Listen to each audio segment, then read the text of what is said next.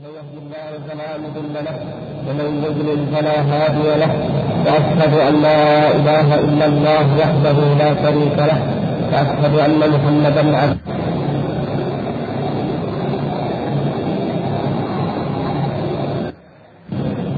وما اقروا به ورجعوا عنه بعد أن اخلوا فيه أعمارهم. وقد وقفنا عند أكملنا تقريبا أكملنا أقوالهم إلا أننا قلنا سوف نستكمل إن شاء الله تراجمهم أو التعريف بهم أو ببعضهم فممن فاتنا أن نعرف به في المرة الماضية في الدرس الماضي ابن أبي الخديج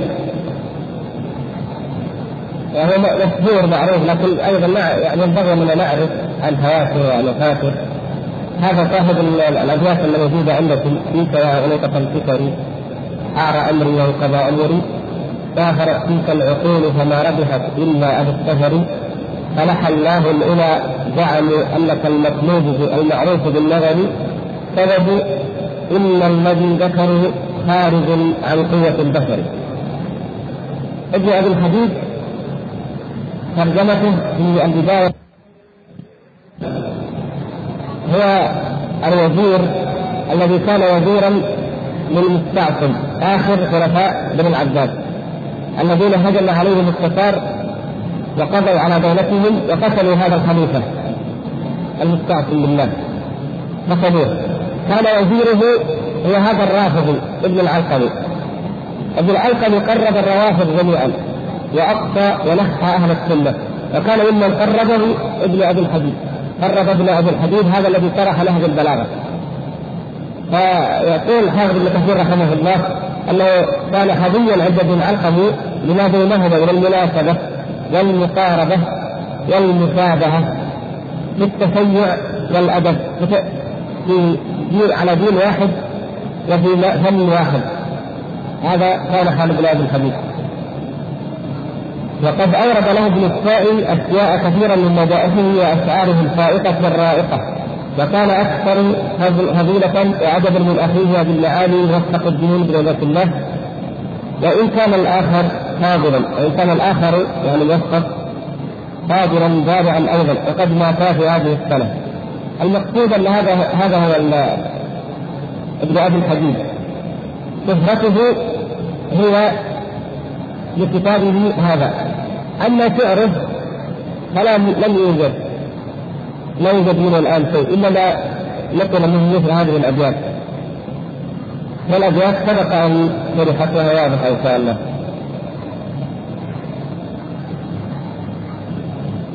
بالنسبة أيضا لشمس الدين الخسرو فاهي وكما سبق كما تعلمتم من ترجمته لكن من الأشياء التي تضاف إلى ترجمته اني وجدت في ترجمة الملك الناصر داوود من ملوك الدولة الأيوبية في ترجمته يقول ابن كثير رحمه الله أيضا واشتغل في علم الكلام على الشمس الخسري فاهم تلميذ الفخر الرازي وكان يعرف علوم الأوائل جدا وحكوا عنه أشياء تدل إن صحت على سوء عقيدته. هذا الملك كان لجلسائه المسلمين هذا الفصل الثاني. ولذلك روي عنه أشياء تدل على سوء عقيدته لأنه من جالس اناسا أو قوما تأثر بهم وهو جالس هؤلاء فتأثر بمنطقهم وفلسفتهم وعلومهم الباطله ففسدت عقيدة هذا الملك. وأما الثاني فهو الخولجي نفس الكلمة هو الخولجي وهو عندكم بعدها بالفاء ونعدلها الخولجي محمد ابن ناناور محمد ابن ناناور ابن عبد الملك الخولجي أبو عبد الله فضل الدين أو أفضل الدين. هو فضل الدين. توفي 646 أو 649 هذا كان أعلم الله أهل زمانه بالفلسفه ما يسمى الحكمة.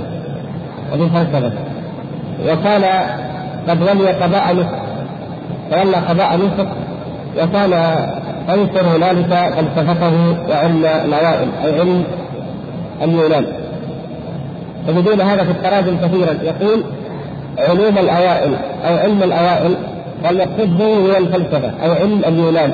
علوم اليونان من منطقهم وفلسفتهم وما يحكون له كتاب أشهر كتاب كتبه الخولدي هو كتاب كشف الأسرار عن غوامض الافكار كتاب في الفلسفه اسمه كشف الأسرار عن غوامض الافكار هذا العنوان يذكرنا بالبيتين اللي سبقت فيما مضى وهو إيش؟ يحللون بزعم منهم عقدا وبالذي وضعوه زادت العقد. هذا الرجل يظن أنه هو كشف الأفكار عن الأفكار الغامضة ووضحها وجلاها للناس. طيب ما هو هذه الأفكار؟ عند الموت اتضح انه ما عنده شيء. فلهذا يقول عند الموت ما عرفت مما حصلته شيئا هو أن الممكن يفتقر إلى المرجح هذا هو الذي الشيء المتاكد من صحته انه الممكن يفتقر إلى المرجح ثم استدرك على نفسه فقال الافتقار وصف سلبي لا هو إيجابي؟ إذا أموت وما عرفت شيئا. عافانا الله وإياكم من سوء الخاتمة ومن ضياع العمر فيما لا خير فيه. فإن هذا من العلم الذي لا ينفع. نعوذ بالله وإياكم من العلم الذي لا ينفع. نعوذ بالله وأنتم منه. والاخر الذي قال التجوى على فراشي لا وجدناه لا ندري من هذا الآخر. وعلى كل حال هو من نفس هذه الطبقة أو الطائفة. كما تلاحظون الغفر الفاهي وابن أبي الحديث والخولجي كلهم متعاصرون في زمن واحد متقدم على زمن الشيخ المؤلف رحمه الله. يعني كأنه كتب اعترافات أكابر العلماء الذين أدرك أدرك أي أيام شهرتهم من خلال تلاميذهم أو تلاميذ تلاميذهم. فهذا يعني بقية ما في نستكمله للدرس الماضي إن شاء الله. في حاجة برضه يعني عجيبة وجدتها وجدتها. الخسر الشاهي هذا زي ما قال الشيخ كان من أجل تناهضة فخر الدين الرازي. الرازي له كتاب الآيات البينات.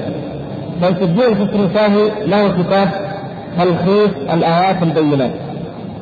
هذا كله أشعري شافعي ابن أبي الحديث شيعي رافضي ومع ذلك أيضا هو له كتاب شرح الآيات البينات من فخر الرازي.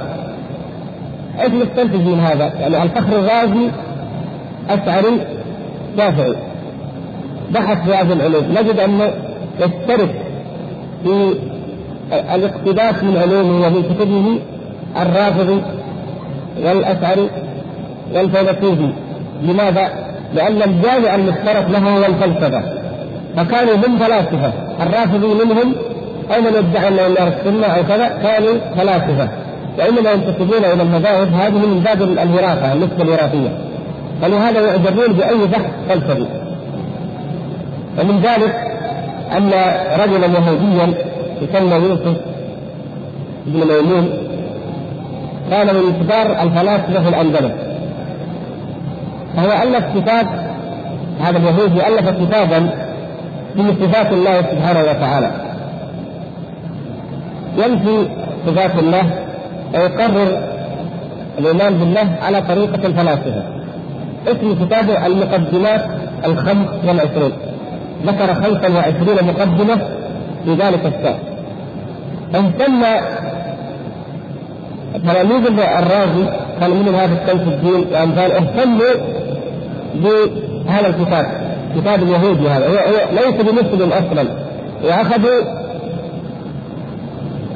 يصرخون ويستدلون به. حتى جاء الكوثري. كوثري هذا المعروف الذي كان من آخر أكبر العلماء الضلال المحرفين المؤولين فاهتم أيضا بنشر هذا الكتاب. هو مستشرق يهودي كان يعيش في مصر اسمه إسرائيل والفلسطين فهذا المستشرق اليهودي كان يعيش في مصر قبل قيام دولة إسرائيل واشتغل بهذا الكتاب واشتغل به الكوثري وقدم له وأثنى بهذا على هذا الكتاب. في صفات الله. والمؤلف يهودي لكن المهم إنه فيلسوف يجيب كلام ينقض كلام الحسنية. كما علق الكوثري نفسه إن هذا الكلام يخالف كلام الحرانية الحسنية الذين تلقف كلام ابن تيمية ومن اتبعه. هكذا يقول. فنجد أنهم يتعاونون اليهودي على الرافضي على المتكلم كل ذلك يجمعهم الفلسفة يجمعهم التعلق بعلوم اليونان ويجمعهم إنكار صفات الله سبحانه وتعالى وعداوة مذهب السلف الصالح ومنهج السلف الصالح في هذا الشأن. الآن نكمل إن شاء الله ما وقفنا عنده. وقد يكون في هذا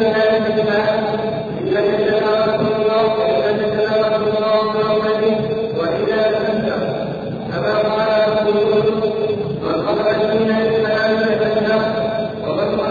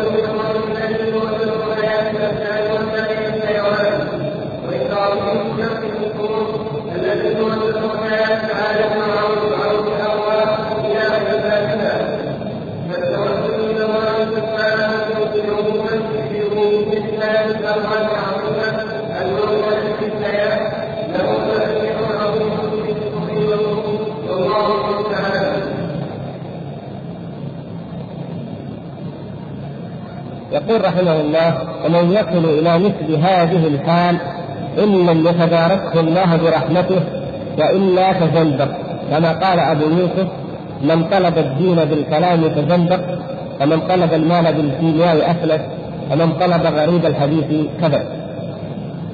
من كان هذا حاله أي كأحد هؤلاء الذين فطروا وسجلوا اعترافاتهم وحورتهم وفكهم من كان هكذا فإنه إن لم يتداركه الله برحمته فيتوب في أول في آخر عمره أو عند الموت وإلا فزندق مات على الزندقة أو اعتنق الزندقة ومرق من الدين. وبعض الزنادقة ما مرقوا من الدين وخرجوا منه إلا لما اشتغلوا أول أمرهم بعلم الكلام. ولذلك يقول الإمام أبو يوسف رحمه الله وهو صاحب الإمام أبي حنيفة من طلب الدين بالكلام فزندق ومن طلب المال بالكيمياء أفلس ومن طلب غريب الحديث كذب. يعني هذه الثلاثة المطالب الباطلة التي يظن الناس أن فيها خير وليس وراءها إلا الضياع. هذا الكلام المنقول عن أبي يوسف قد نقله الشارح في أول الكتاب في صفحة 11 في أول الكتاب هذا. وأيضا ينقله في موضع اخر صفحة 229 استشهد بهذا أكثر من مرة رحمه الله. لأنه من الكلام النفيس الذي يقوله هؤلاء العلماء. 229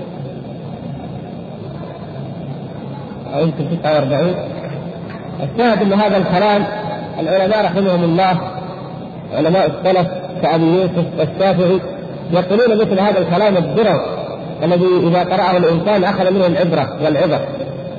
فنقل هذا وكلام الشافعي أيضا وقد ذكرهما الحافظ ابن عساكر بسنده إلى كل منهما في كتاب تبيين كذب المفتري بما نسب الإمام. الأشعري صفحة 333 و 335 نقل هذا الكلام بالسند إليهما. إلا أن الكلام الذي نقل عن أبي يوسف نقل أيضا روي عن عن الشعبي روي عن الشعبي ولكن الراجح أنه لأبي يوسف وليس للشعبي لأن وفاة الشعبي متقدمة ولم يكن في عصره قد بلغ الأمر أن اشتهر ويسمى علم الكلام ويحذر منه. الصحيح أنها لابي يوسف ومعناها كما تعلمون قد سبق الله ما في اشكال من طلب الدين أو من طلب العلم كما في صفحه 11 بالكلام فزندق. الدين يطلب من أين؟ والعلم من أين؟ يطلب من الكتاب والسنة. من طلبها من علم الكلام فزندق.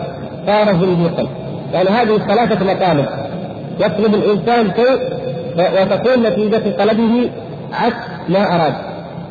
انسان يريد الدين يريد أن يعتقد في الله عز وجل الاعتقاد الصحيح قال يلا في علم الكلام فتكون النتيجة أنه يتزندق يصل إلى غير ما أراد إلى عكس ذلك وضده. لأن علم الكلام يفضي إلى الشك والحيرة وهي التي هي هي الزندقة أو بابها. ومن طلب المال بالكيمياء أفلس. الذي يريد المال ويقول أنا لا أعمل في تجاره ولا في زراعه ولا في اطلب المال عن طريق الكيمياء. هذا نتيجته أن يسلم لأنه يجمع ما عنده من مال يشتري به نحاس ورصاص وامثال ذلك وتجارب ثم يبدأ يجرب يجرب يجرب. ويقول إذا أنا نجحت في تحويل الرصاص إلى ذهب حصل المال وحصل النعمة والخير يصير يصير الشغله بسيطه جدا. نشتري رصاص ونبيع ذهب. هذا يعني مربح وغنى وفيه. لكن الواقع انه يظل طول عمره يشتري رصاص يجرب عليه ولا يتحول إلى ذهب. فمن طلب المال بالكيمياء افلس يعني إن كانوا يظنون أن عن طريق الكيمياء يمكن تحويل المعادن الخفيفة إلى معادن نفيسه وهذا عجزت عنه الكيمياء الحديثه الذهب لا يمكن أن يستخرج من الرصاص. والا فالكيمياء الحديثه أقدر على ذلك. ولو أمكن ذلك لما كانت هناك أزمة ذهب أو أو أزمة عملة صعبه كما يسمونها لكن الذهب هو الذهب وغيره طلب استخراج الذهب من غيره هذا زهد ومشقة وضياع وقت وعمر. فهذا قرين ذلك. هذه هاتان قرينتان والثالثة من طلب غريب الحديث سبب يعني الانسان يريد أن يجمع الحديث. ويستكثر من الطرق ويستكثر من غرائب الحديث فيضطر أن يكذب لأنه عادة غريب الأسانيد أو غريب الألفاظ كلاهما لكن هم الظاهر في المتاخرين أو في أيام هؤلاء أيضا حتى في أيام يوسف لكن في المتأخرين أكثر اصبحوا يطلبون غرائب الإسناد. وقد يكون الحديث بمعنى الكلام يعني الإنسان يطلب غريب الكلام يعني عام ليس الحديث الذي هو كلام النبي صلى الله عليه وسلم أيضا يكذب لأنه إذا تتبع غرائب الطرق أو غرائب الألفاظ فإنه إذا وجد لفظة معروفة أو وجد سند معروف ولكن أيضا يحتمل سند آخر غريب أو أو لفظة غريبة إذا جاب اللفظة المعروفة عند الناس ما يوجد جديد كل الناس يعرف هذه اللفظة لكن هو يجيب لفظة غريبة يرجح الغريبة وينكر الغريبة فيكذب يدخل في الكذب فهو لا يفقه وحتى إن كان الحديث هو الكلام حتى لو كان من كلام العرب. الإنسان إذا وجد كلمة غريبة أيضا يفرح بها وينكرها لأنها غريبة. لو وجد الكلام المعروف الذي يتناقله رواة اللغة لا يكون زاد في جديد. فيضطر أن يقول قال لغة بني فلان كذا ولغة بني فلان يقولون في هذا كذا وكذا وكذا. فيقع في الكذب. طلبا لغرابة الحديث أو غرابة الألفاظ. هذه هي الثلاثة كل منها ند للآخر نتيجتها واحدة. وهي الخسارة. وحال هؤلاء شاهد على ذلك.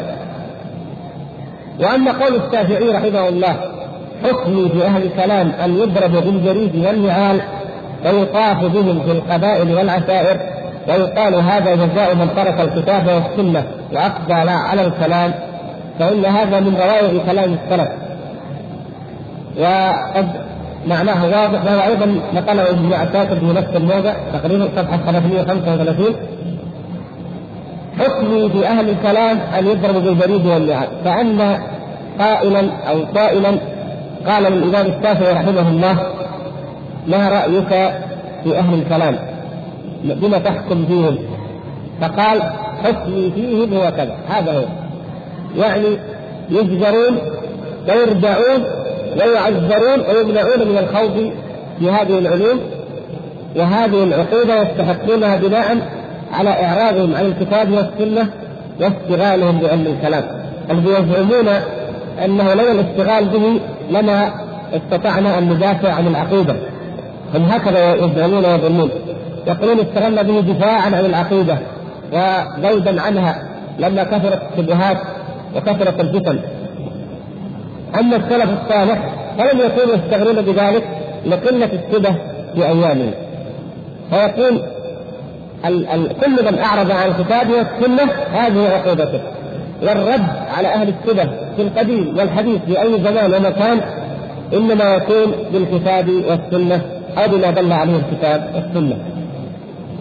ويقول لقد اطلعت من أهل الكلام على شيء ما ظننت مسلما يقوله. نعم. أهل الكلام يقولون أشياء ما يظن الإنسان أن المسلم يقولها. حتى وصل الأمر بهم إلى إنكاء جميع أسماء الله جميع صفات الله سبحانه وتعالى. بل حتى وصل الأمر بالغلاة من الجهمية والقرامطة إلى أنهم يقولون لا نقول موجود ولا غير موجود. الإنكار مطلق. هكذا. وهذا الكلام الذي يقوله فلاسفة اليونان أفلاطون. كان يقول الله تعالى كامل والكامل لا يفكر في الناقص. فلا إذا قلنا إن الله يعلم أحوال الناس أو يطلع عليها أو يراقبها أو يخفيها هذا يكون فيه تنقيص لله بعدين يقول إيش؟ الله فوق مستوى العقل.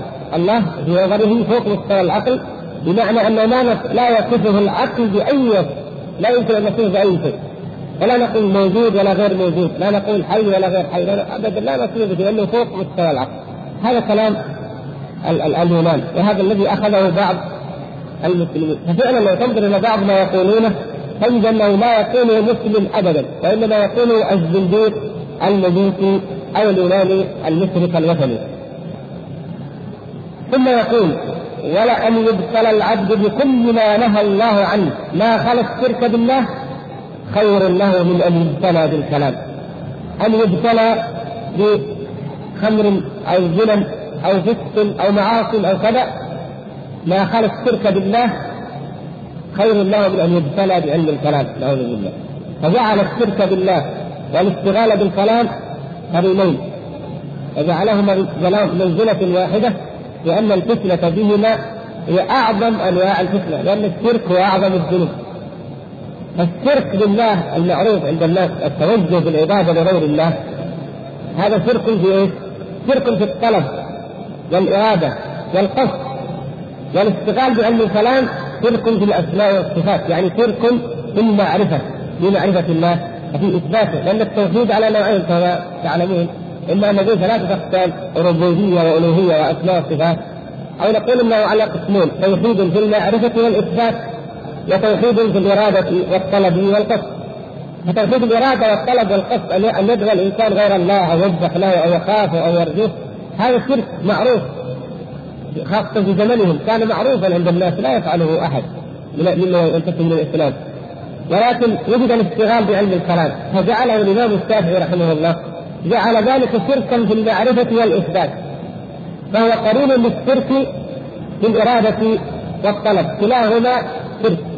هذا يصرف العبادة لغير الله وهذا يصرف الناس عن معرفة الله على المعرفة الحقيقية إلى الضلالات والبدع والآراء الباطلة. ثم يقول رحمه الله وتجد أحد هؤلاء عند الموت يرجع إلى مذهب العجائز فيقر بما أقر به ويعرض عن تلك الدقائق المخالفة لذلك التي كان يقطع بها ثم تبين له فسادها أو لم يتبين له صحتها.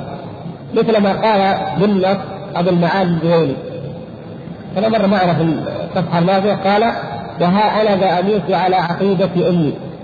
أو وها أنا ذا أميت على عقيدة عجائز نيسابور البلد التي كان فيها.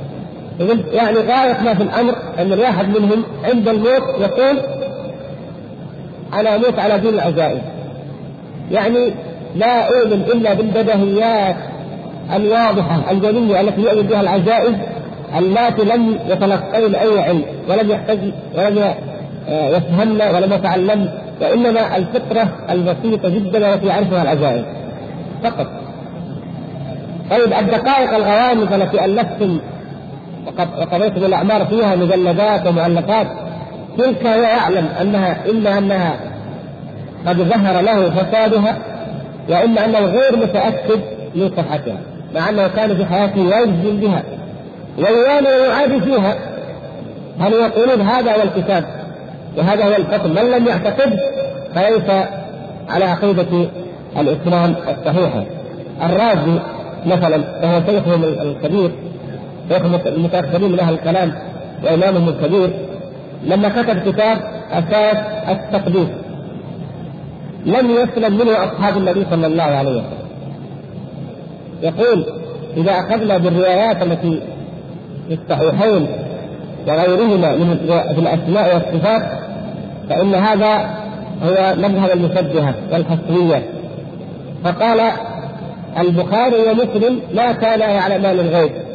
هكذا يطعن بغير بغير حجة وبغير علم في الرجال أو في الحديث. يقول ما كان يعلمان الغيب؟ ولا يبعد أن الزنادقة. قد أدخل في كتابيهما أحاديث ولم يعلما بها. الزنادقة يعني حديث الصفات يجعلها من وضع الزنادقة ودخلوا في الصحيحين دون ما دون أن يدري آه المؤلف. كيف ما يدري البخاري ومسلم؟ هم اللذان الفا الكتاب. وهو مرويان بالسند البخاري ومسلم. ما يدري الآن إجابة يعني ما هو كتاب يكتب واحد الطريق. كانت متداولة متناقلة بالأسانيد حتى أن تجد الذهبي رحمه الله ومتأخر تعلمون في سير أعلام النبلاء أحيانا يترجم لرجل ويقول ومن طريقه روينا كتاب أبي داود أو كتاب البخاري أو كتاب مسلم. يجوز لك من القرن الثامن حتى يصل إلى أولئك. العلماء كانوا يأخذونها قراءة على السيف ياخذون البخاري أو مسلم أو غيره وروايات معروفة ومصححة ومدققة. ثم يقول وكيف ناخذ روايات الصحابة؟ وأخذ يعدد أن أبا هريرة قال كذا وخطأه آه، فلان في كذا وأن عائشة قالت استدركت على الصحابة كذا على ابن عمر كذا وعلى فلان كذا. ويأتي بعض الروايات التي حصل فيها نوع من الخلاف بين الصحابة رضوان الله تعالى عليهم يستشهد بها على ماذا؟ على ما لا يؤخذ قولهم في هذه المسائل لأن الضبط لم يكن دقيقا وهكذا.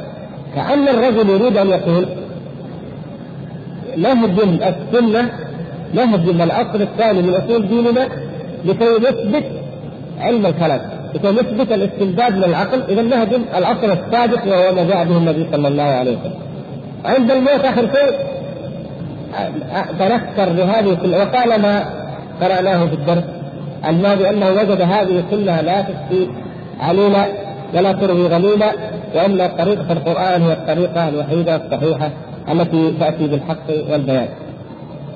فهم هذا حالهم عند الموت أساس التقديس نسيه نسي وهو يقول التقديس معرفة الله على الحقيقة لا تكون إلا بمثل ما في هذا الكتاب. ويعتبرونه من أعظم كتبهم. طبعا في أحد رد عليه ولا لا؟ ها محمد شيخ الإسلام تيمية كتاب لقب لقب التأسيس هذا يسمى بيان تنبيه الجهمية في تأسيس بدعهم الكلامية. الذي طبع يوزع طبع وهذا المطبوع هو بعض الكتاب.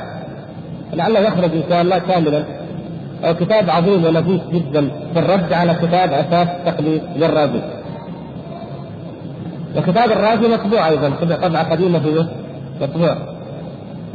المقصود أن هذا هذه الأشياء التي كانوا يقطعون بها ويوالون فيها ويعادون ويتهمون غيرهم ويخالفهم فيها بأنه على مذهب الحسنيه أو اللابسة أو أصحاب كذا وكذا أخيرا يكتشفون ويقرون عند الموت بأنها كانت باطلا وخطا ولم يتبينوا صحتها. يقول الشيخ رحمه الله فيكونون في نهاياتهم إذا سلموا من العذاب يعني إذا قدر الله تعالى وكتب لهم حسن الخاتمة قبل الموت وسلموا من الموت على هذه البدع يكونون بمنزلة أتباع أهل العلم من الصبيان والنساء والاعراض. كانوا في حياتهم ينافسون أهل العلم وينتقدون أهل العلم. بين ظل الرازي ينتقد البخاري ومسلم وهما من هما في المكانه والثقة والتصدق. لكن عند الموت يريدون أن يموتوا على دين العجائز، على دين أتباع أهل العلم، عجائز أو صبيان أو اعراق، يكفيهم ذلك. وزي ما قلت لكم إن هذا حتى المعاصرين منهم المتعمقين في الكلام اساتذه الكلام المتدرسين فيه في أرقى الجامعات التي تدرس علم الكلام. يقولون نعم هذا هو دين العجائز هو أصح الأديان. بس أهم شيء الإنسان يموت على دين العجائز هذا على غاية طيب اذا كان دين العجائز كذا فلماذا نتعلم علم الكلام؟ نبقى اميين أو نتعلم من جداتنا؟ وانتهى الأمر. لماذا نتعلم؟ لماذا نجهد أعمالنا في هذه العلوم؟ وفي الأخير نقول هذه حصيلتها غير ثابتة. إننا ليسنا نموت على دين العجائز وهذا هو السلام وهذا هو المنجي ولكن المؤمنون الصادقون وعلماء السلف وأئمتهم هم على دين الراسخين في العلم على عقيدة الراسخين في العلم الذين يكشفون الشبهات الذين يقيم الله تعالى بهم الحجة على الناس. وأتباع أهل السنة من عجائز أو غيرهم أتباع هؤلاء العلماء هم أفضل من أولئك. فكيف بأولئك العلماء الأجلاء الذين جعلهم الله سبحانه وتعالى في كل زمان فترة يقيمون للحجة ينفون عن هذا الدين امتحان المغرضين وتأويل الجاهلين والمفترين.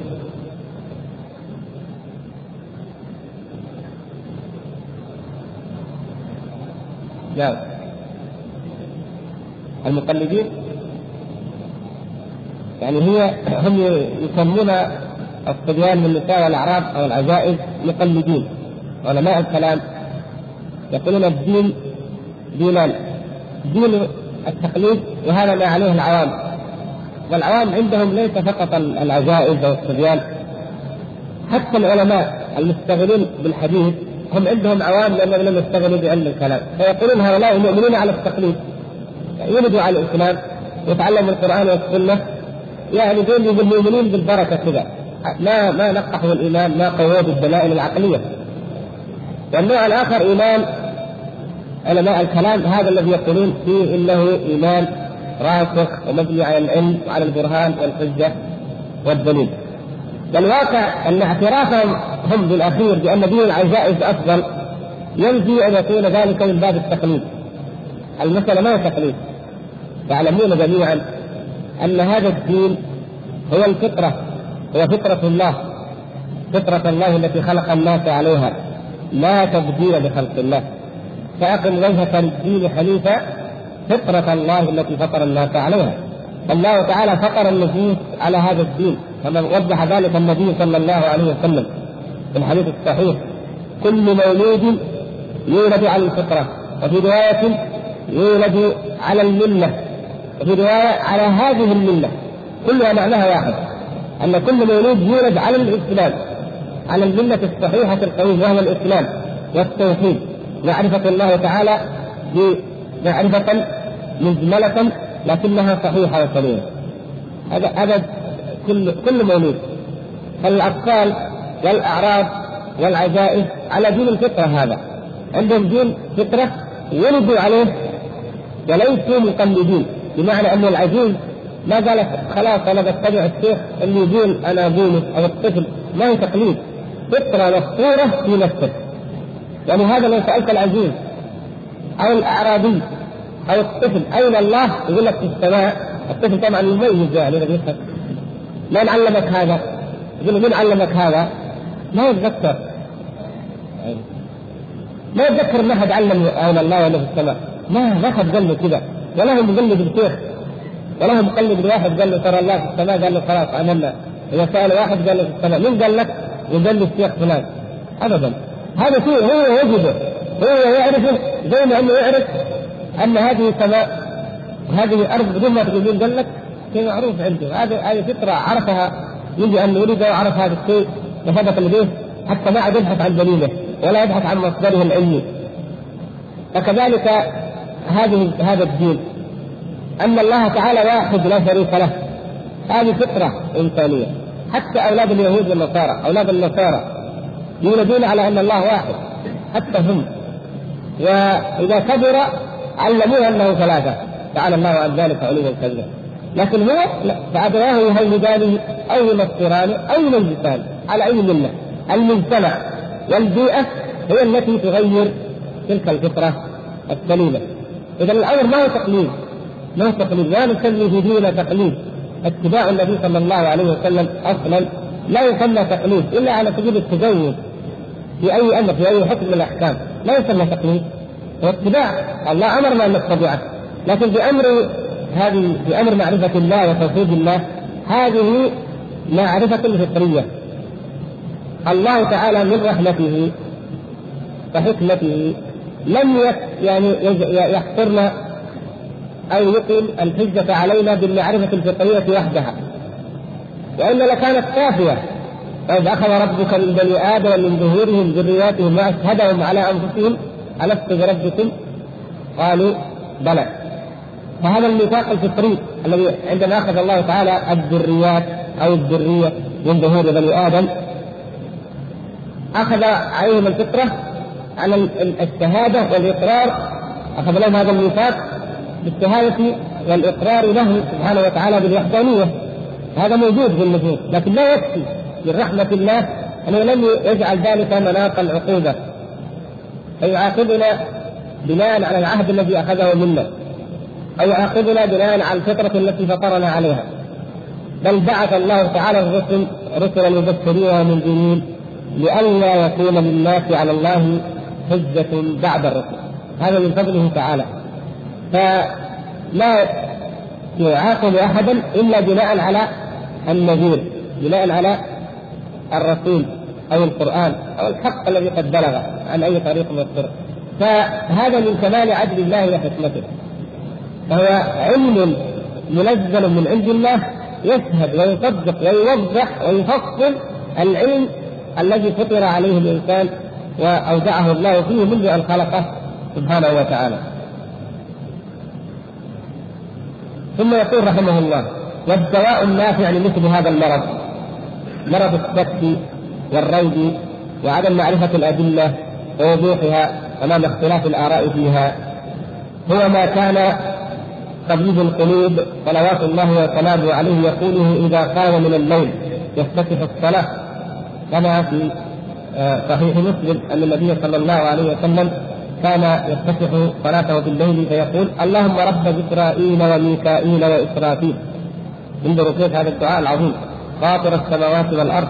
اللهم رب جبرائيل وميكائيل وإسرافيل. فاطر السماوات والأرض. عالم الغيب والشهادة. أنت تحكم بين عبادك فيما كانوا فيه يختلفون. اهدني لما اختلف فيه من الحق بإذنك. إنك تهدي من تشاء إلى صراط مستقيم. هكذا كان يدعو النبي صلى الله عليه وسلم بهذا الدعاء. وهذا تعليم لنا فنحن أحوج إلى شك وبلا ريب إلى أن ندعو بهذا الدعاء. والنبي صلى الله عليه وسلم هداه ربه إلى ما اختلف فيه من الحق. فنحن الذين نحتاج أن نكرر هذا الدعاء وأن ندعو به لنعرف ما اختلف وما اختلف فيه من هذه الأمور.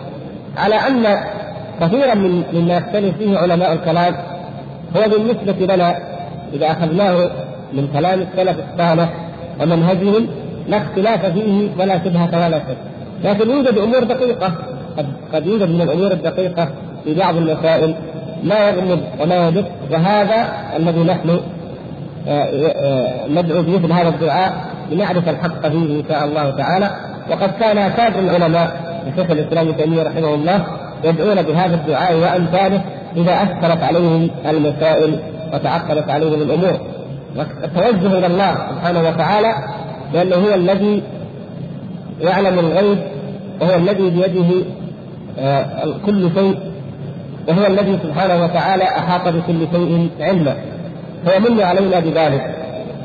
كما يقول الشارح رحمه الله يقول توجه صلى الله عليه وسلم إلى ربه بربوبية جبريل يعني ربوبية ربوبية الله تعالى لجبريل لجبرائيل وميكائيل وإسرافيل. أن يهديه لما اختلف فيه من الحق بإذنه. إذ حياة القلب بالهداية. حياة القلب بالهداية. القلب إذا لم يكن مهتديا فهو ميت. لأن القلوب كما تعلمون تعلمون كم؟ ثلاثة أنواع. القلوب قلب حي وقلب ميت وقلب مريض. فهذه التي دل القرآن عليها وجاءت أيضا في الأحاديث. هذه الثلاثة أنواع القلوب كيف يحيا القلب؟ يحيا بالهداية يحيا بالإيمان بالله سبحانه وتعالى يحيا بقراءة القرآن وبذكر الله وبالتفكر في آلاء الله وفي نعم الله وفي مخلوقات الله سبحانه وتعالى وشكره على آلائه. يحيا القلب بذلك. فالقلب إذا كان ميتا يحيا بالهداية. وهؤلاء الثلاثة يعني مناسبة مناسبة لطيفة في سؤال الله بهؤلاء الثلاثة أنهم موكلون بأمور الحياة جعلهم الله تعالى موكلين بأمور الحياة.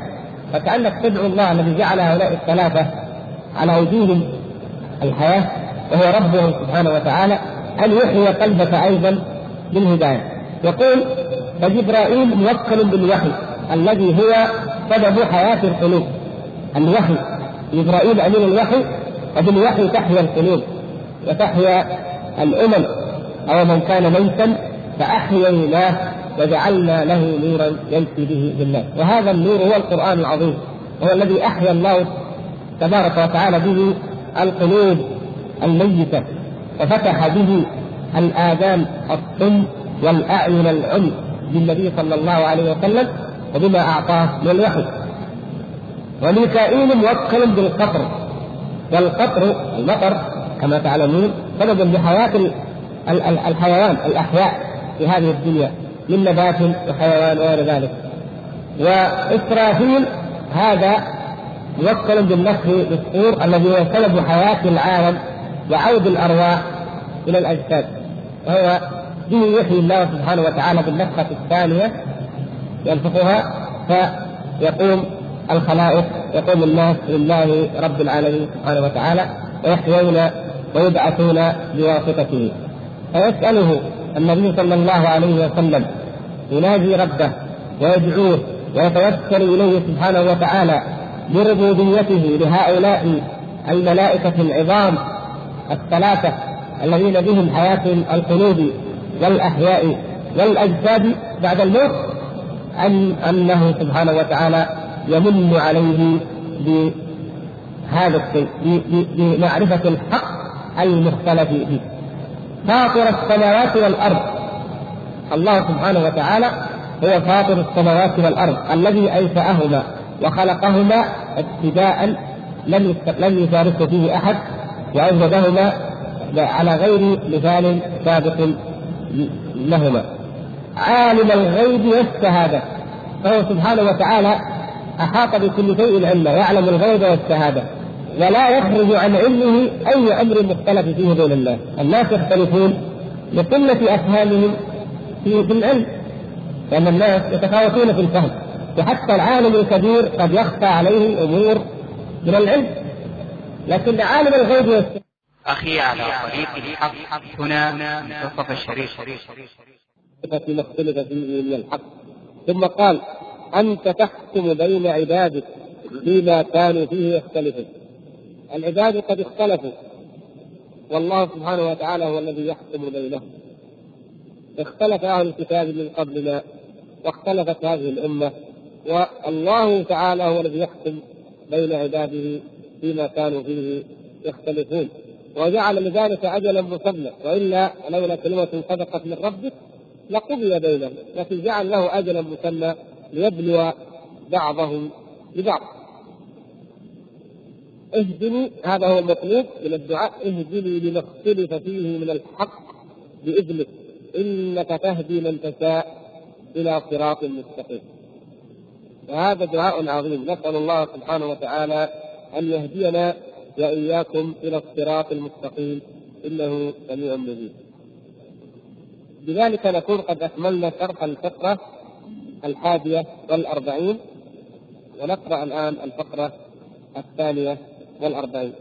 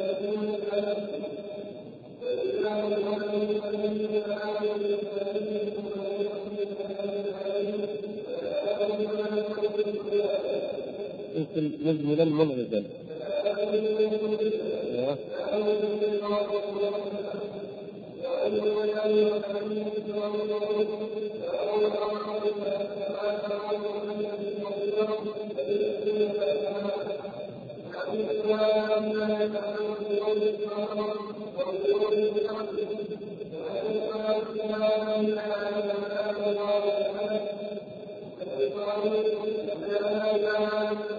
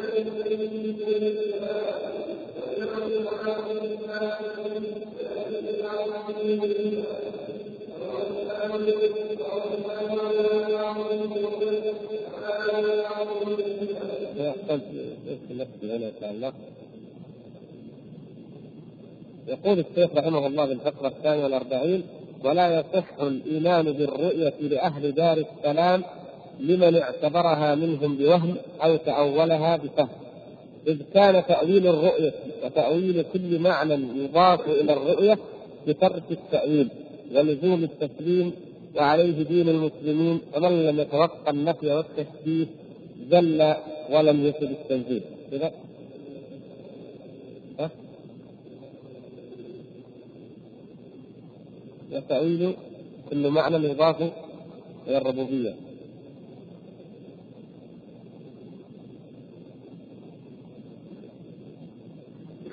والظاهر أنه الرؤية. الطبعة الأخرى في بشير محمد عين عندكم الربوبية؟ طيب. هو الإضافة إلى الرؤية هذا هو الموضع الذي فيه الحديث. الإضافة إلى الربوبية هذا عام بلا شك أن الرؤية مما يضاف إلى الربوبية. خير إن شاء الله. المهم نحن نشرح على ضوء ما هو مشروع هنا. الإيمان بالرؤية بحث الرؤية قد سبق شرحه هو هنا الشيخ رحمه الله يخرج من موضوع الرؤية إلى موضوع التأويل. وهذا من أدق الموضوعات ومن أهمها التي ينبغي أن تفهم موضوع التأويل. قد يعني نستطيع أن نبدأ فيها هذا الدرس أو الدرس القادم إن شاء الله إذا وصلنا إليه بعد أن نأخذ هذا الشرح الذي قبله. موضوع التأويل في الجملة لأنه إذا أولت أحاديث الرؤية وآيات الرؤية فما الذي لا يؤول من الدين؟ لأنها في غاية الوضوح كما ترون. يستنبط الشيخ رحمه الله تعالى الإمام أبو جعفر الطحاوي من ذلك أنه لا تأويل في شيء من صفات الله سبحانه وتعالى ابدا. ولهذا قد يكون وتأويل كل معنى يضاف إلى الربوبية يعني أولى لأنه أعم. فلا يؤول أي معنى يضاف إلى الله سبحانه وتعالى مطلقا. إذ كيف تؤول رؤية الله؟ فلا يصح الإيمان بالرؤية برؤية المؤمنين يعني ربهم في الجنة لمن اعتبرها منهم بوهم أو تأولها بفهم قد سبق أن قلنا ما هي الفرق التي تخالف في الرؤية التي تنكر رؤية الله من يذكرها منكم؟ ها؟ الجهمية كل المعطلة يشمل الجهمية ومن؟ الخوارج نعم والإمامية يعني الشيعة يعني في أول المبحث فقرة 38 صفحة 146 يقول المخالف في الرؤية الجهمية والمعتزلة ومن تبعهم من الخوارج والإمامية قلنا من الخوارج الموجودون اليوم الخوارج الموجودون اليوم فرقة تسمى إيش؟ ها؟ الخوارج الأباضية. الأباضية إلى اليوم هذا دينهم يعتقدون أنه تعالى لا يرى في الآخرة. ويقولون من قال إن الله تعالى يرى في الآخرة فقد كفر. يعني على كلامهم يكون أهل السنة والجماعة يكونون كفارا لأنهم يعتقدون أن الله يرى. فهم يقولون من قال إنه يرى في الدنيا أو في الآخرة فقد كفر. هكذا بإطلاق. وكذلك الإمامية الذين هم يقال لهم الإمامية أو الإثنى عشرية وهؤلاء يسمى بالشيعه أغلب الشيعة الذين يسمون جعفريه من الناحيه الفقهية وهم أغلب الشيعة المعروفون اليوم والمعروفون قديما أيضا أغلب الشيعة غالبيتهم هم الإمامية ولهم فرق أخرى. لكن الإمامية أو الإثنى عشرية أو الجعفرية هم غالبا إذا قيل الشيعة ينصرف إليهم. هم كذلك ينفون رؤية الله تبارك وتعالى. والكلام هنا كما قال الشيخ رد على المعتزلة ومن اتبعهم من المؤولة الذين يقولون يؤول رؤية الله وجوه يومئذ ناظرة ناظرة إلى ربها ناظرة يؤولها يؤول قول النبي صلى الله عليه وسلم تترون ربكم كما ترون هذا. في حديث صحيح قال القمر وفي حديث آخر أشار إلى الشمس أو قال كما ترون الشمس في حر الظهيرة يريد أن يرد على من يؤول الرؤية فيقولون إن ترى أو أرى أو رأى رأى هذه علمية وليست بصرية. رأى قلبية أو علمية وليست بصرية. أو يقولون مثلا الأشعرية يقولون نثبت الرؤية لكن يتأولونها يؤولونها. كيف؟ يقولون إنه يرى من غير جهة ولا مقابلة. ينكرون العلو وينكرون الرؤية في جهة يعني بحيث يكون المخلوق مثلا في جهة والله تعالى عالم عليه. فلا يتصورون. يعني يقول لك هذا في من عقولنا لا لا تدركه. طب هل نحن ندرك الجنة؟ هل نعرف نعيم الجنة أصلا؟ حتى نتكلم عن رؤية الله في الجنة؟ هذا شيء لا يدرك. لكن كيف ننفي من غير جهة من غير مقابلة؟ بحيث يكون الله سبحانه وتعالى يطل عليهم من اعلى سبحانه وتعالى فيرون لا ما يثبتون الجهة ولا العلو. فيثبتون رؤية هي أشبه ما تكون بالشيء المحال. أشبه ما تكون لأن ما دام زي ما قلنا قال لهم المعتزلة قالوا من أثبت الرؤية من أثبت الرؤية. ونفى الجهة فقد أضحك الناس على عقله. المعتزلة قالوا للأشعرية قالوا تثبتوا أنه يرى. وتقول يرى في غير جهة. فقالوا هكذا. سبق أن أوضحنا أنه الشيخ رحمه الله قال إن من أثبت الرؤية ونفى الجهة أقرب في العقل هذا قلنا أنه من جهة ما أقرب العقل ممن أنكر الرؤية وأنكر العلو. نعم. لهذا قال هنا قال إن العقل لو عرض على العقل موجود قائم بنفسه ولا يمكن رؤيته لحكم باستحالة ذلك. يعني هذا حتى من الناحية العقلية. المقصود أنهم أولوها وغيروها. حرفوا معناها بالأوهام وأولوها بالتأويلات الباطلة. الشيخ يقول الشارح رحمه الله يقول يثير الشيخ رحمه الله إلى الرد على المعتزلة ومن يقول بقولهم يعني من الفرق التي ذكرنا في نفي الرؤية وعلى من يشبه الله بشيء من مخلوقاته. فإن النبي صلى الله عليه وسلم قال إنكم ترون ربكم كما ترون القمر ليلة البدر. كما يقول الحديث أدخل كاف التسديد على ماء ماء المصدرية أو الموصولة كلاهما يصح. كما ترون ربكم كما ترون بترون التي تتأول يسمى مصدر منسدد أو مصدر مؤول من ماء يتركب من ماء والفعل مصدر. مثلا يقول الله تبارك وتعالى وأن تصوموا خير لكم. وأن تصوموا يتركب من أن والفعل مصدر وهو إيش؟ صيامكم. يعني صيامكم خير لكم. كما ترون المصدر هنا إيش؟ كرؤيتكم ترون ربكم كرؤيتكم القمر. هذا كما ترون القمر أي كرؤيتكم القمر. فيتركب من من مصدرية أو موصولية موصولة بمصدر مع الفعل. فيكون التشبيه في في الرؤية لا في المرء يعني ترونه رؤية كرؤية القمر. لاحظتم هل في هذا تشبيه لله تعالى بالقمر؟ تعالى الله عن ذلك علوا كبيرا؟ لا يمكن. النبي صلى الله عليه وسلم أعرف الناس وأعلمهم بربه. وهم قالوا هذا الحديث يوهم التشبيه لابد أن نؤوله لا في إيهام تشبيه ولا في يقول ترون ربكم كما ترون. ترون كما ترون. فالتشبيه بايش؟ في الرؤية. فشبه الرؤية بالرؤية ولم يشبه المرئي بالمرئي ولكن هم الله تعالى أعمى ابصارهم عن هذه هذه الحقائق التي تتضح لمن يفهم لغة العرب واسلوبها ولجأوا إلى التأويل الباطل. اذا يكون التشبيه في الرؤيه لا في المرئي. وهذا بيان بين واضح في أن المراد إثبات الرؤية وتحقيقها ودفع الاحتمالات عنها، لأن النبي صلى الله عليه وسلم كما في الروايات الأخرى لما أشار إليه أشار القمر قيل يمكن أن يقال يؤول أو أو في احتمال يشير إلى هذا المخلوق العظيم الواضح في في, في ليلة البدر ويقول كما ترونه ترون ربكم كما ترون هذا لا تضارون أو لا تضامون في رؤيته في الحديث الآخر الذي هنا يقول إيش؟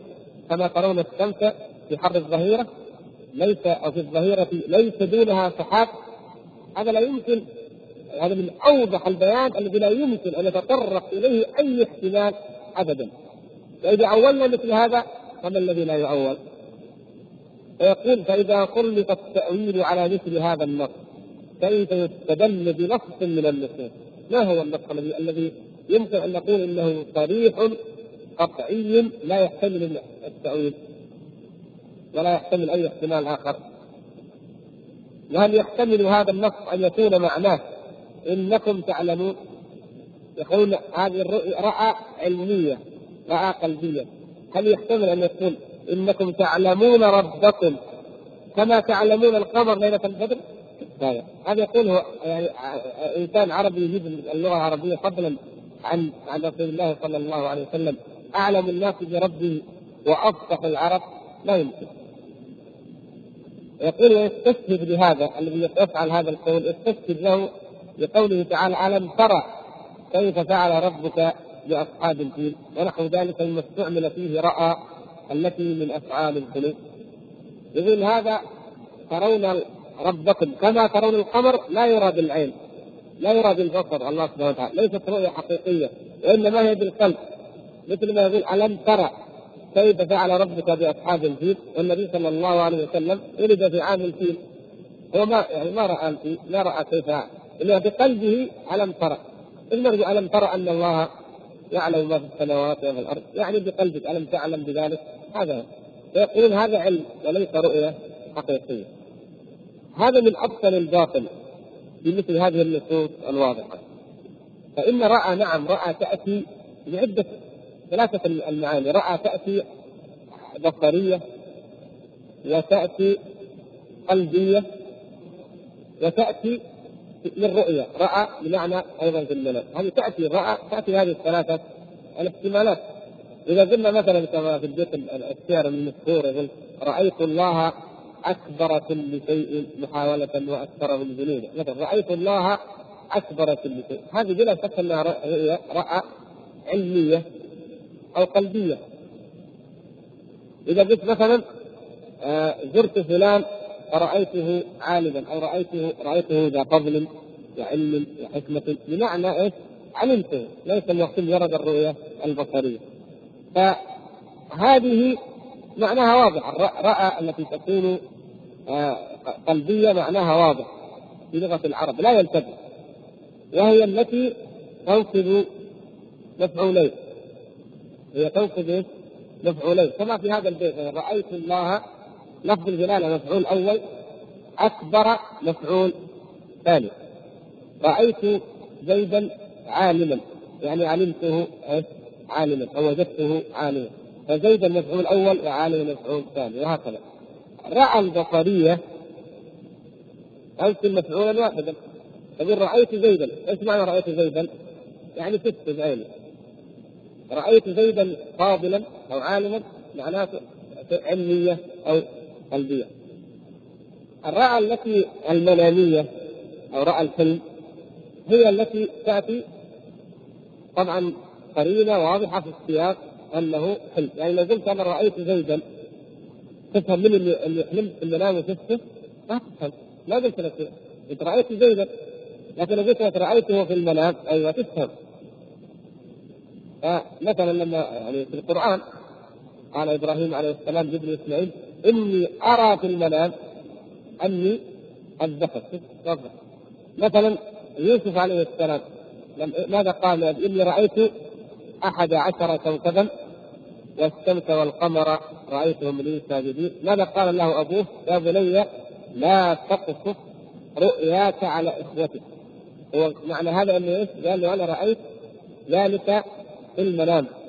فقال لا تقصف رؤياك. في الأخير قال ذلك قال تأويل رؤيا. هذا تأويل رؤياي تأويل الرؤيا. وعلمه الله تعالى تأويل الأحلام كما تعلمون لما جاء الملك. وبعد أن قالوا وما نحن بتأويل الأحلام بعالمين. المقصود أن رأى هذه بثلاثة المعاني لا تستدر. طيب جاء واحد وقال كلام واخترنا ما ندري وقصده رأى القلبية ولا رأى البصرية ولا رأى المناميه يكون هذا من إيه؟ من ضعف تعبيره من عجزه من عيه وليس هذا من فصاحته وبلاغته. أو يكون هو متعمد جل لغز لغز يشوف يعرف هو شافه هنا ولا رآه هنا ولا كذا. يعني هذا هذه هذه الاحتمالات التي لا ترد بأي حال من الأحوال في كلام الله ولا في كلام رسوله صلى الله عليه وسلم. يقول ولا شك أن ترى تارة تكون بصرية وتارة تكون قلبية وتارة تكون من رؤيا الحلم وغير ذلك ولكن لا يخلو لا يخلو يعني لا يخلو الكلام من قرينة تخلص أحد معانيه من الباقي لابد من قرينة تبين تفرز هذا المعنى من المعاني الأخرى وإلا لو أخلى المتكلم كلامه من القرينة المخلصة لأحد المعاني الثلاثة هذه يعني لكان مجملا ملغزا لا مبينا موضحا. أما كلام الله ورسوله صلى الله عليه وسلم كلام الله ورسوله انظروا الحديث يقول وأي بيان وقرينة فوق قوله ترون ربكم كما ترون الشمس في الظهيرة ليس دونها سحاب. هذا في المنام هذا بالقلب لا يمكن. لأن قرينة واضحة جدا. ومن أول ذلك فإنه هو يحكم على عقله بالضعف والفساد. فهل مثل هذا مما يتعلق يتعلق برؤية البصر أو برؤية القلب؟ وهل يخفى مثل هذا إلا على من أعمى الله قلبه؟ نسأل الله العافية. فإنها لا تعمى الأبصار ولكن تعمى القلوب التي في الصدور. إذا عميت القلوب فإنها تعمى عن الأدلة الواضحة الجلية ولا حيلة في من عمي قلبه إيش الحيلة فيه؟ إذا عمي قلبه عن أمثال هذه النصوص ما الحيلة؟ كيف نبصره؟ هل نهدي نحن نستطيع أن نهدي من أضل من, من أضل الله؟ من يهدي من أضل الله؟ لا أحد هؤلاء علينا أن نقيم عليهم الحجة وأما هدايتهم وبصيرة ذنوبهم فهي على الله سبحانه وتعالى متى ما أراد ومتى ما من بها عليهم. وإلا تركهم في ضلالهم يعمهون. يقول فإن قالوا ألجأنا قرينة إيش القرينة؟ قالوا هنا قرينة عقلية. مضطرين. مضطرين نأول كلام الله وكلام رسوله. ليش؟ قالوا ألجأنا إلى هذا التأويل حكم العقل بأن رؤيته تعالى محال لا يتصور إمكانها يقول فالجواب أن هذه دعوى منكم خالفكم فيها أكثر العقلاء. ومن اللي قال لكم أن العقل يحكم في هذه الأمور. الله يقول لك اضطر اضطرنا للتأويل لأن العقل يقول بذلك يحكم بذلك. من قال لك أن العقل مرجع؟ أولا من الذي جعل العقل مرجع لأمثال هذه الأمور؟ حتى لو ما جاء فيها نص. من قال إن العقل يقرر فيها ويقطع؟ فكيف إذا جاء النص وياتي العقل ويلغي دلالته الواضحة؟ لا يمكن. ثم أنتم تقولون العقلاء على العقل، طيب اية عقل؟ أعقل الناس أصحاب النبي صلى الله عليه وسلم لا يوجد ولم يوجد أعقل منهم ولا اذكى منهم. سمعوا هذا الكلام منه صلى الله عليه وسلم فكانوا يشتاقون إلى رؤية الله سبحانه وتعالى وآمنوا برؤيته حتى قال عبد الله بن مسعود وهذا مما له حكم المرفوع قال إن منازل الناس من رؤية الله تبارك وتعالى في الجنة كمنزلتهم منه في في الحضور إلى صلاة؟ الجمعة، نعم. فمن يبكر إلى صلاة الجمعة في الصف الأول فإنه يكون يوم القيامة رؤيته لله تبارك وتعالى في في في مقدمة من يرى الله سبحانه وتعالى. الصحابة رضي الله تعالى عنهم كانوا يفهمون هذا المعنى.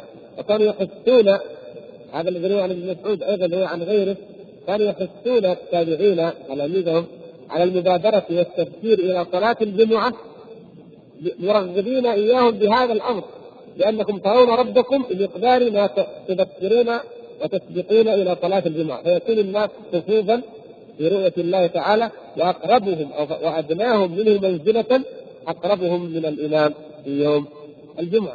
فكان هذا هذا الذي فهمه الصحابة رضي الله تعالى عنهم وربوا عليه من بعدهم فتقول العقل يمنع عقل من؟ افلاطون ارسطو ولا الجهم ولا فلان إن أعمى الله بصائرهم من أهل الشرك والوثنية والمجوسيه لا العقل الحقيقي والفهم الحقيقي والعقلاء الحقيقيون لا ينفون ذلك.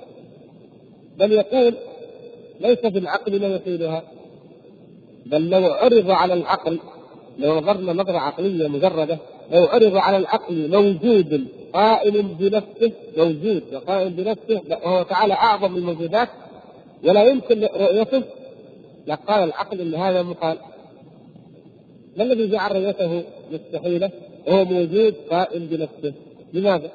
العقل السليم النقي. لا يقوم بذلك ولا يحكم به بل يستغرب ويتعجب كيف يكون موجود وهو من اعظم أعظم الموجودات وأكثر هذه الموجودات بما لا يبان سبحانه وتعالى عن ذلك علوا كبيرا في حقيقة الوجود. الموجودات الأخرى ما هي إلا آثار للموجودات أوجدها سبحانه وتعالى. فكيف هو لا يرى؟ هذا شيء لا يمكن لا يقبله العقل. يقول لمن اعتبرها منهم بوهم أي يقول اي توهم أن الله تعالى يرى على صفة كذا. فيتوهم تشبيها أول شيء يجي تشبيه يقول اذا يرى الله تعالى على شكل ياتيه الشيطان بوهم بتشبيه معين. ثم بعد هذا التوهم يقول إن أثبت ما توهمه من الوصف فهو مسبب ينقسم نوعين. نوع منهم يثبت هذا الوهم الذي ألقاه الشيطان في ذهنه ويقول هكذا يقول. وهذا هو المسبه الذي يشبه الله تعالى بخلقه والنبي صلى الله عليه وسلم كما بينا إنما شبه الرؤية بالرؤية واما المرئي سبحانه وتعالى فليس مثل القمر ولا مثل أي مخلوق ليس كمثله شيء وهو السميع البصير. فبعضهم وقف عند هذه التي هي نوع من التشبيه وقف عندها. وهذا مسبب والبعض الآخر قال ما دام ما في إلا هذا الشكل فأنا انفي أنفي الرؤية كلية. طيب يا أخي أنت الشكل هذا اللي, ألقاه الشيطان في ذهنك؟ لا قال ننفي الرؤيا بالمرة. لأنه هو ما تصورها إلا بهذا الشكل. فقال ننكرها نهائيا عشان نريح نفسنا من هذا الوهم من هذا التشبيه. هو اللي توهم الشيء وهو اللي نفى الشيء أصل الشيء حقيقه ودليله فيقول إن أثبت ما توهمه من الوصف فهو مسبح وان نفى الرؤية من أصلها لأجل ذلك التوهم فهو جاحد معطل. بل الواجب دفع ذلك الوهم وحده. أدفع هذا الوهم عن عقلك وترى بعد ذلك أنك تؤمن بأنه تعالى ليس كمثله شيء وتؤمن بأنه سبحانه وتعالى يرى فالحمد لله لا تناقض. بل هذا هو الذي يؤمن به العقل والفطرة. يقول ولا يعم بنفسه الحق والباطل ينفي الدليل وينفي الوهم وينفيهما ردا على من أثبت الباطل. هذاك أثبت الباطل وهذا الجهه نفى الحق ونفى معه الباطل. لا. الصحيح الواجب هو إيش؟ رد الباطل وهو التوهم والتثبيت وإثبات الحق وهو الإثبات إثبات الصفة أو المعنى المضاف للربوبية. وإلى هذا المعنى إلى معنى إثبات الحق ورد الباطل أشار الشيخ رحمه الله تعالى بقوله فمن لم يتوقع النفي والتشبيه ذل ولم يصب التنزيه عنده هذه القاعدة من لم يتوقع النفي والتشبيه ذل ولم يصب التنزيه كل منهما يدعي التنزيه لكن هذا ينزه عن طريق؟ النفي وهذا يشبه ويقول أنا أثبت ذلك وهذا ليس فيه تشبيه وإنما هو تنزيه. فإن هؤلاء المعتزلة يزعمون أنهم ينزهون الله بهذا النفي بنفي الرؤية. وهل يكون التنزيه بنفي صفة الكمال؟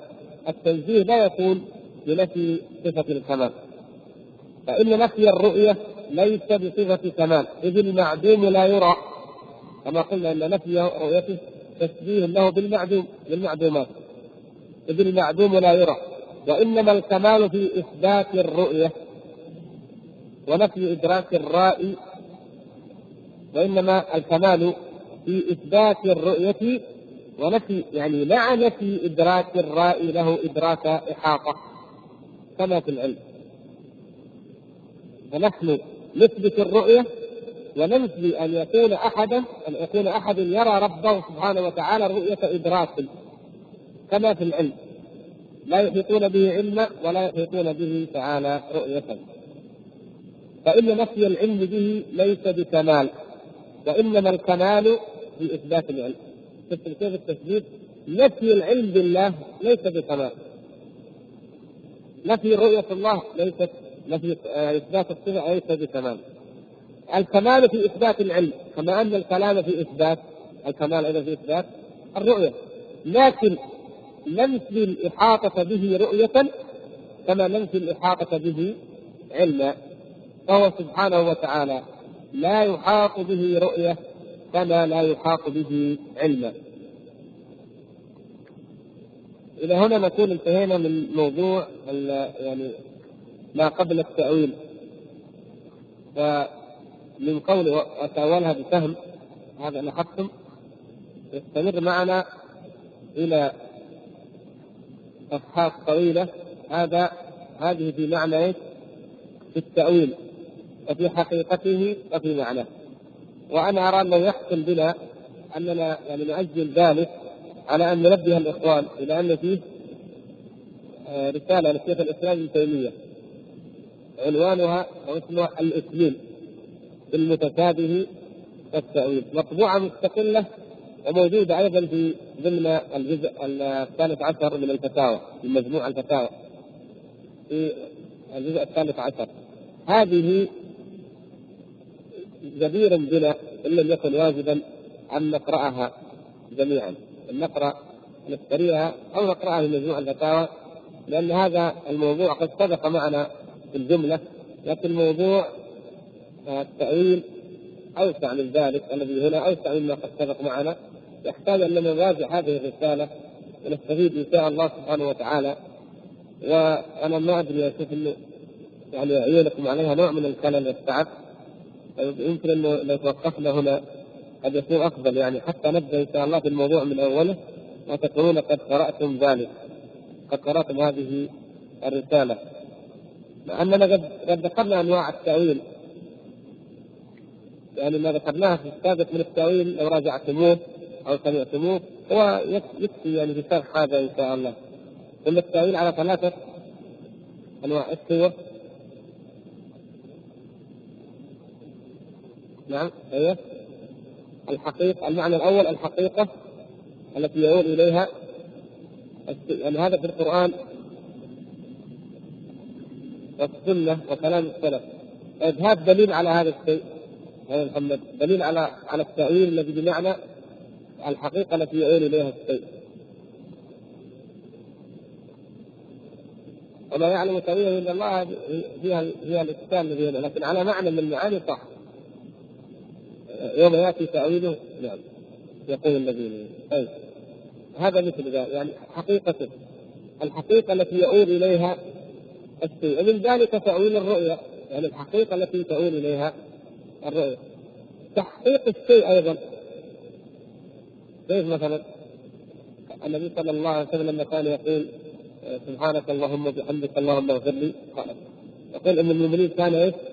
يتأول القرآن يعني يحقق أن الله تعالى أمره قال إذا جاء نصر الله الفتح ورأيت الناس يدخلون في دين الله أفواجا فسبح بحمد ربك واستغفر إنه كان توابا. حقق هذه الآية. هو يتأول القرآن يعني يحققها حققوها هذا معنى من معاني التأويل المعنى الثاني من معاني التأويل هو في كلام السلف؟ التفسير. مثل إيش؟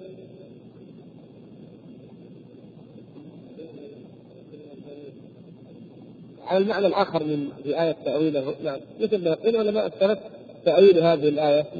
لذلك يقولون التأويل آه، تأويل هذه الآية تأويل كذا في تفسير مثل ابن جرير الطبري كثير جدا تأويلها يعني إيه؟ تفسيرها معناها وهذين المعنيين في هذه الآية التي هي آية آل عمران إن شاء الله التي سوف نأخذها شرحها. والمعنى الثالث أو المعنى البدعي سواء كان ثالثا أو رابعا هو إيش؟ أيوه إلى معنى آخر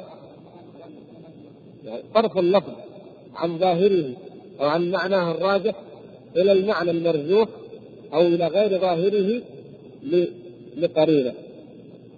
هذا هو المعنى الذي يقوله المتأخرون. وقلنا برضو أن التأويل درجات. الفرق في التأويل إيش؟ درجات. فرقة أولت الحلال والحرام والأسماء والصفات. وهذه فرقة إيش؟ الباطنية. الباطنية أول الحلال والحرام مثل إيش تأويلات الحلال والحرام؟ الصيام يأولوه بيت الباطنية؟ الصيام إمساك الأسرار. الصلوات الخمس هي؟ فاطمة وحسن وحسين وعلي إلى آخر. هذا وأول الآيات يعني الأحكام وأول الأسماء والصفات. ومنهم من قصر التأويل على الأسماء والصفات. مثل نفاق الصفات يعني إن شاء الله عندكم بقايا لكن أنا كنت كان طول الوقت يعني ما أدري لاننا نبدأ من خمسة إلى ستة ونص ساعة ونصف مثلا أو يعني في ساعه فإن شاء الله نؤجل موضوع التأويل حتى نقرا وحتى إن شاء الله يكون لدينا آه، يعني استعداد لسماعه. نعم. الإكليل في المتشابه والتأويل. إن شاء الله تعالى بعد الصلاة نجيب على الأسئلة إذا كان في أسئلة غير هذا إن شاء الله. وإلا نكتفي بهذا. نسأل الله سبحانه وتعالى لنا ولكم